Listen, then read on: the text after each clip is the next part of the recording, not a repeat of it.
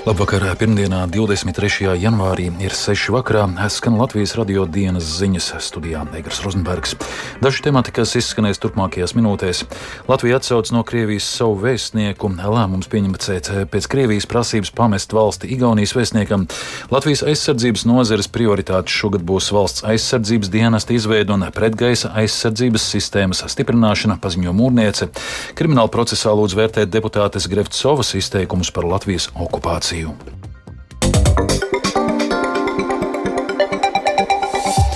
Latvija nolēmusi atsaukt no Krievijas savu vēstnieku Māri Rieksniņu. Lēmums pazemināt diplomātiskās pārstāvniecības līmeni Krievijā pieņemts solidarizējoties ar Igauniju, kā arī sakarā ar to, ka jau gandrīz gadu turpinās Krievijas brutālā agresija Ukrainā. Vēstnieka atsaukšana paredzēta no 24. februāra, turpina Latvijas ārlietu ministrs Edgars Rinkevičs no jaunās vienotības. Protams, ka 24. februāris nav nejauši izvēlēts. Tā nu sanāk, ka tā ir gada diena kopš kara sākuma pret Ukrainu un arī Igaunijas valsts svin savu neatkarības dienu. Kādā līmenī šobrīd līdz ar to paliek Latvijas vēstniecības darbs līdz ar šādu pazemināšanu, kāda veida pakalpojumus un cita veida darbības vēstniecība šobrīd vēl spējas veikt? To pašu, ko vēstniecība dara tagad, tā turpinās veikt, arī konsulāro atbalstu. Spēkā gan paliek mūsu ļoti uzstājīgs logums un aicinājums Latvijas valsts piedarīgajiem nebraukt uz Krieviju, un tiem, kas var izbraukt no Krievijas, to darīt. Konsulārā nodaļa un faktiski viss tālāk vēstniecības personāls turpinās darbu. Gan šeit, Krievijā, to darīs attiecīgi Latvijas diplomātiskā pārstāvniecība visus šos pakalpojumus veiks, gan arī, protams, Krievijas vēstniecība Latvijā arī varēs sniegt konsulāros pakalpojumus. Tas neatiecās uz uh, šīm te funkcijām. Tā ārlietu ministrs Edgars Rinkevičs par lēmumu no 24. februāra atsaukt Latvijas vēstnieku Krievijā Māri Riekstiņu. Kā informēja ārlietu ministrijā, kopš kara sākuma Krievijā darbu pārtraukuši 17 Latvijas diplomātiskie darbinieki. Krievija šodien paziņojusi, ka pazemina diplomātiskās pārstāvniecības līmeni Igaunijā un pieprasījusi pamest valsti Igaunijas vēstniekam. Igaunija paziņojusi, ka spērs atbilstošus atbildes soļus. Plašāk Ulda Ķēzbera ierakstā. Pēc Krievijas pilna apmēra iebrukuma Ukrainā pērn 24. februārī Igaunija ir bijusi viena no redzamākajām Ukrainas atbalstītājām gan politiski, gan militāri. Igaunija arī ir ierobežojusi diplomātiskās attiecības ar Krieviju. Nesen Igaunija pieprasīja pamest valsti 13 Krievijas diplomātiem un 8 Krievijas vēstniecības tehniskajiem darbiniekiem, lai tādējādi nodrošinātu līdzvērtīgāku darbinieku skaitu Krievijas un Igaunijas diplomātiskajās pārstāvniecībās Tallinā un Maskavā. Atbildot uz šo soli, Krievijas ārlietu ministrija šodien paziņoja, ka pazeminās diplomātiskās pārstāvniecības līmeni Igaunijā līdz pilnvarotā lietveža līmenim, bet Igaunijas vēstniekam Margusam Laidrem būs dots laiks līdz 7. februārim, lai pamestu Maskavu. Krievija norādīja, ka Igaunija vairāku gadu garumā ar nodomu ir darījusi visu, lai iznīcinātu attiecības ar Krieviju. Igaunijas vēstnieks Laidre sacīja, ka Krievijas lēmums īpaši neietekmēs Igaunijas vēstniecības ikdienas darbu, taču tas būtiski ietekmēšot informācijas ieguvi par notiekošo Krievijā ja väga paljud Euroopa Liidu ja Eiropas Savienības un NATO dalību valstis sūta jaunus vēstniekus uz Krieviju tieši tādēļ, lai kara apstākļos būtu pārstāvēti visaugstākajā iespējamajā līmenī, uzraudzītu situāciju uz vietas un vāktu informāciju. Lai gan varam apgalvot, ka mūsdienu informācijas sabiedrībā par vienā vai otrā vietā notiekošo varam uzzināt daudz, pat no tūkstošu kilometru attālumu, tomēr tradicionālo diplomātijas aspektu aspektu. Atrasties tajā pašā vietā, elpot to pašu gaisu un dzert to pašu ūdeni nevar aizstāt. Igaunijas ārlietu ministrija paziņoja, ka Igaunija joprojām iestājas par paritātes principu diplomātiskajās attiecībās ar Krieviju, tāpēc Krievijas vēstniekam Igaunijā Vladimiram Lipājevam būs jāpamet Igaunija tajā pašā dienā, kad Igaunijas vēstnieks atstās Krieviju. Savukārt Igaunijas ārlietu ministrs Urmas Reinsolu paziņoja, ka Krievijas diplomātiskie soļi neaturēs Igauniju no turpmākas palīdzības palīdzības sniegšanas Ukrainai. Viņš arī aicināja citas Eiropas Savienības dalībvalstis samazināt darbinieku skaitu savās diplomātiskajās pārstāvniecībās Krievijā. Uldis Česberis, Latvijas radio. Lietuvai arī šobrīd attiecības ar Krieviju ir pilnvarotā lietveža līmenī. Latvijas aizsardzības nozares prioritātes šogad būs valsts aizsardzības dienesta izveide un pretgaisa aizsardzības sistēmas stiprināšana. Līgumus par šo sistēmu iegādi nozares ministre Ināra Mūrniece no Nacionālās apvienības cerot parakstīt jau pavasarī. Tāpat ministre sola militāru atbalstu Ukrainai tik ilgi, cik vien vajadzēs. Vairāk Jāņa Kīņša sagatavotajā ierakstā. Pašlaik tieši militāra apdraudējuma pie Latvijas robežām nav, taču militāri analītiķi vērtējuši, ka piecu gadu laikā Krievija varētu atkal uzkrāt savu militāro ekipējumu un koncentrēt militāros spēkus. Tā norāda aizsardzības ministra Ināra Mūrniec no Nacionālās apvienības, izklāstot savas prioritātes. Miers pasaulē ir trausls, un arī Latvijai jārīkojas savu aizsardzības spēju stiprināšanai. Tādēļ tālāk mēs turpināsim valsts aizsardzības dienestu. Aizsardzības dienesta mērķis ir gan bruņoto spēku struktūras aizpildīšana, jo karavīru trūkst, gan arī veidotu ekipētas militārās rezerves vienības. Lai stundā X, nu, dod Dievs, ka tāda nepienāktu, bet, ja nu gadījumā tāda pienāk, mums būtu apmācīti cilvēki, lai noliktavās stāvētu katram šim cilvēkam ekipējums, ieroči un lai katrs zinātu savu vietu valsts aizsardzības sistēmā. Valsts aizsardzības dienesta pirmo iesaukumu jau šā gada otrajā pusē paredzēts organizēt no brīvprātīgajiem, bet vēlāk pēc izlauzes principa izvēloties cilvēkus vecumā no 18 līdz 27 gadiem. Par to šodien pirms otrā lasījuma turpinās lemt Saimas aizsardzības komisijā.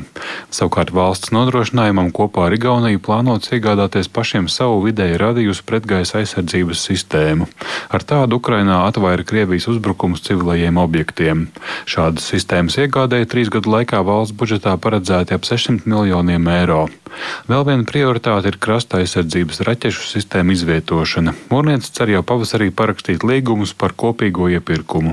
Šo sistēmu iegādi kā ļoti gudru soli vērtē bijušais Nacionālo bruņoto spēku un gaisa spēku komandieris Juris Maklakovs. Karš Ukrainā parādīja, ka pretgaisa aizsardzībai līdzīgi kā prettanku ieročiem ir ļoti svarīga loma. Un e, jūs saprotiet, ar to ieroču piegādi arī Ukraina parādīja, cik tas ir dažreiz smagi iet kaut vai ar tiem pašiem tagad Leopard tankiem.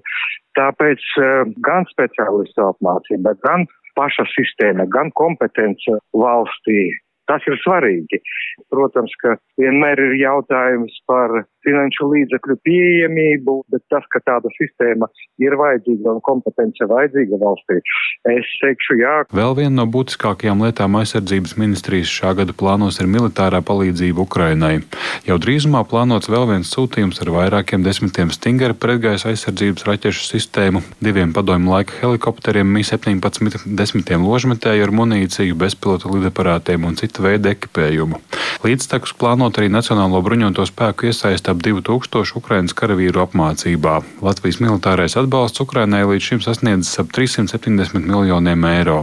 Aizsardzības ministra Ināra Mūrniece palīdzības sniegšanu Ukrainai sola turpināt līdz tās uzvarai. Jānis Kincis, Latvijas Radio. Saimnes deputāte Glorija Grevcova no partijas stabilitātei, kas apsūdzēta par nepatiesu ziņu sniegšanu Centrālajai vēlēšanu komisijai, atkal iegūsi plašu sabiedrības uzmanību par saviem izteikumiem. Šoreiz pēc okupācijas muzeja apmeklējumam deputāte sociālo tīklu platformā TikTok ievietotā video noniecinoši izsakās par okupāciju un okupācijas muzeju. Saimnes deputāts Edmunds Jurēvits no partijas jaunā vienotība saistībā ar šiem izteikumiem lūdzis prokuratūru sākt kriminālu procesu. Sašutumu par šiem izteikumiem pauž arī okupācija okupācijas muzejā. Plašāk Agnijas Lazdiņas ierakstā. Pēc Latvijas okupācijas muzeja apmeklējuma saimas deputātes Glorijas Grevcovas TikTok profilā ievietots nu jau izdzēsts video, kurā Krievu valodā deputāte stāsta, ka ir atnākusi uz tā saucamo okupācijas muzeju, kurā nesakrīt fakti un ka gids stāstot paralēlo izdomāto vēsturi Рассмотрели все экспонаты и поняли. Apskatījām visus eksponātus un sapratām, re, kā mūs muļķo, kā mūs muļķo. Ja es jau agrāk domāju, ka pie mums ir propaganda, tad izējot cauri šim muzejam, tu saproti, kas tas ir īsta propaganda. Deputāts Edmunds Jurēvits no jaunās vienotības lūdzis prokuratūru sākt kriminālu procesu, sakot, ka deputāte ir pārkāpusi visas sarkanās līnijas. jo mēs nevaram pieļaut, ka Latvijas Republikas saimnes deputāti būtībā ņirgājās par cilvēkiem, kas ir cietuši no komunistiskā terora. Manuprāt, arī acīm redzam noliedz vai vismaz attaisno Latvijas okupācijas faktu. Arī Edvīns Šņore no Nacionālās apvienības uzsver, ka frakcija vērsīsies pie saimas ētikas komisijas ar iesniegumu. Tā ir klāja ņirgāšanās par okupācijas upuriem, okupācijas faktiski noliekšanu, uzskatām, tas ir pilnīgi nepieņemams. Tāda veida rīcība tā nav savienojama deputātu mandātu. Sašutis ir arī Latvijas okupācijas muzejs. Kā stāsta muzeja direktore Solvita Vība, tie ir fakti, kurus Latvijā neviens nenoliedz. Tā nav izdomāta vēsture, citējot deputāti, tā ir mūsu Latvijas valsts vēsture. Muzeja krājumā ir 75 tūkstoši priekšmetu. No tiem cilvēkiem, kuri ir dāvinājuši šos priekšmetus muzejam, kas ir bijuši deportēti, kas ir cietuši, mums ir 2500 video liecību. Un citējot deputāti, tās mūs nemuļķo. Tie ir vēstures avoti, uz kā balstās mūsu muzeja stāsts, kas ir par mūsu valsti, par mūsu zemi un par mūsu tautu. Pēc sabiedrības Sabiedrības reakcijas Greucova publicēja vēl vienu video, sakot, ka nenoliedz Latvijas okupācijas faktu, bet uzsvēra, ka viņas prāt muzejā tik un tā nav sniegti visi fakti, jo ir daudz vairāk avotu nekā tiek uzrādīts muzejā. Tāpat daudzi fakti esot sagrozīti, piemēram, pēc deputātes teiktā tiekot rādītas nepatiesas fotogrāfijas par notikumiem. Agnija Lazdiņa, Latvijas radio. Prokuratūra saņēmusi iesniegumu, kurā lūgts pārbaudīt, vai saimas deputātes Greftsovas izteikumos nav saskatāmas nozīmes noziedzīga nodarījuma par genocīda, nozieguma pret cilvēci un kara nozieguma attaisnošanas pazīmes. Par to, kādas būs tālākās darbības stāstā ģenerālprokuratūras īpaši pilnvarotu prokuroru nodaļas virsprokurors Ingemārs Masaļskis. Valsts drošības dienas ir jau uzsācis pārbaudi šīs te informācijas un lems tālāk par tālāko virzību. Attiecībā uz prokuratūrā saņemtu iesniegumu viņš ir pārsūtīts izvērtēšanai atbilstoši krimināla procesa likuma 3. nodaļai valsts drošības dienestam. Krimināla likumā šis pants jau darbojās vairākus gadus. Atbildība ir paredzēta līdz pat pieciem gadiem, līdz ar to atbilstoši noziedzīgu nodarījumu klasifikāciju organizācijai, tas ir smags noziegums. Plūdi Jēkabils apkārtnē izpostījuši vairākus ziemāju laukus. Zemnieku saimā lēš, ka plūdi postījums radījuši līdz 400 hektāru platībā. Izskaloto lauku saimnieki rēķinās ar to, ka šogad ražas iekūlumi būs mazāki un būs jāveic lieli ieguldījumi tieši tīrumu atjaunošanā. Tikmēr lauka atbalsta dienests un zemkopības ministrijas nekustamie īpašumi vēl veids plūdu zaudējumu aplēses gan ziemāju tīrumos, gan arī meliorācijas sistēmā, lai vēlāk lemtu par turpmāko atbalstu lauksaimniekiem. Plašāk Sintīs Ambotas reportāžā. Jēkabpils novada salas pagasta zemnieku saimniecības kaļķi īpašnieks Agris Stiebriņš rāda savus tīrumus, kuri plūdu dēļ pat laban daudz viet joprojām ir zem ūdens. Zemniekam šeit kopumā ir 250 hektāru zemes, no kuriem 65 ir tieši ziemas kvieši un ap 20 hektāru no tiem viņa prāti ir neglābjami zaudēti.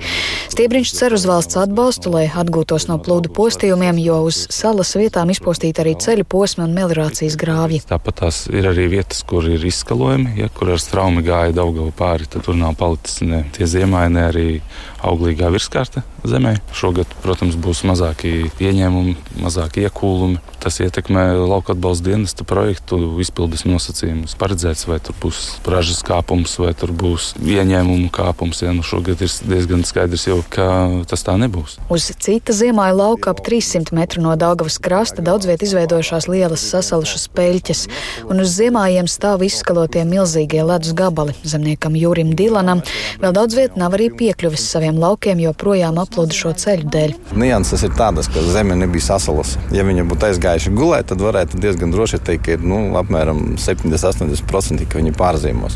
Bet par cik zeme nebija sasalusi, nu, varētu būt, ka viņi būs visi pagalam. Tikai to redzēs nu, uz pavasara pusi. Tagad viņi smuki zaļi izskatās, kamēr sasaluši. Minētie zemnieki laukus nav apdrošinājuši tieši pret plūdiem, jo zeme ir aplūstošajā teritorijā un kompānijas šādu risku šeit sekta nepiedāvā.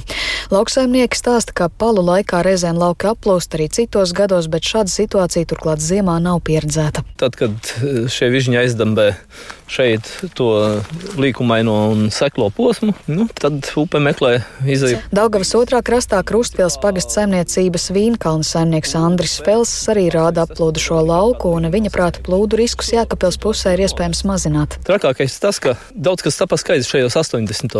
gadu plūdos. Ir pagājuši tik ilgi gadi plānošanu vispār jau, un ir skaidrs, kas būtu jādara. Kas būtu jādara? Ir jāuztaisa trosu aizsprosti Daugavas plūdumā, kas pie mīnus 7 grādiem nobremzē vižņu plūsmu. Ir jāpārtrauc vižņu konvejers. Un kamēr dažas amatpersonas to nevēlēsies saprast, ik pēc laika Latvijā šāda situācija atkārtosies. Zemkopības ministrija vēl apkopo informāciju par zaudējumiem tīrumos Jēkabpilī, kam varētu sekot arī kāds lēmums par iespējamo atbalstu lauksaimniekiem. Sinti Ambote, Latvijas radio. Izskan Latvijas radio dienas ziņas. Producents Lauris Zvēnieks ierakstus montēja Renāšu Šteimanis par labskaņu rūpējās Mārtiņš Paeglis. Studijā Egars Rozenbergs vēlreiz īsumā par svarīgāko. Latvija atsauc no Krievijas savu vēstnieku. Lēmums pieņemts pēc Krievijas prasības pamest valsts Igaunijas vēstniekam.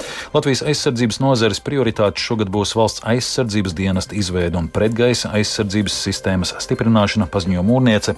Krimināla procesā lūdz vērtēt deputāts Grefcovas izteikumus par Latvijas okupāciju. Un vēl par laikapstākļiem. Rīgā šobrīd ir mīnus 2 grādi lēns rietumu vējš, atmosfēras spiediens 784 mm, relatīvais gaisa mitrums 80%. Kāds laiks gaidāms turpmāk, prognozē Toms Brīsis. Tuvākajās dienās laiks kļūs siltāks, bet vēl nākamajā naktī valdīs neliels sals. Vietām, kur debesis skaidrosies, temperatūra noslīdēs līdz aptuveni minus 8 grādiem, bet otrdien iegriezīsies dienvidu-rietumu vējš, kas pie mums ienesīs siltāku gaisu un temperatūra. Otrdienas pēcpusdienā jau būs no plus 3 grādiem piekrastē līdz minus 2 grādiem valsts austrumos. Trešdien un ceturtdien temperatūra pārsvarā 0,4 grādu robežās, naktīs daudziet gan neliels sals, un nedēļas nogalē temperatūra atkal nedaudz pazemināsies. Nokrišņi šonadēļ nebūs daudz, pārsvarā tikai ceturtdien un svētdien brīžiem sniks un līs, iespējams arī atkal jeb sasalstošs lietus.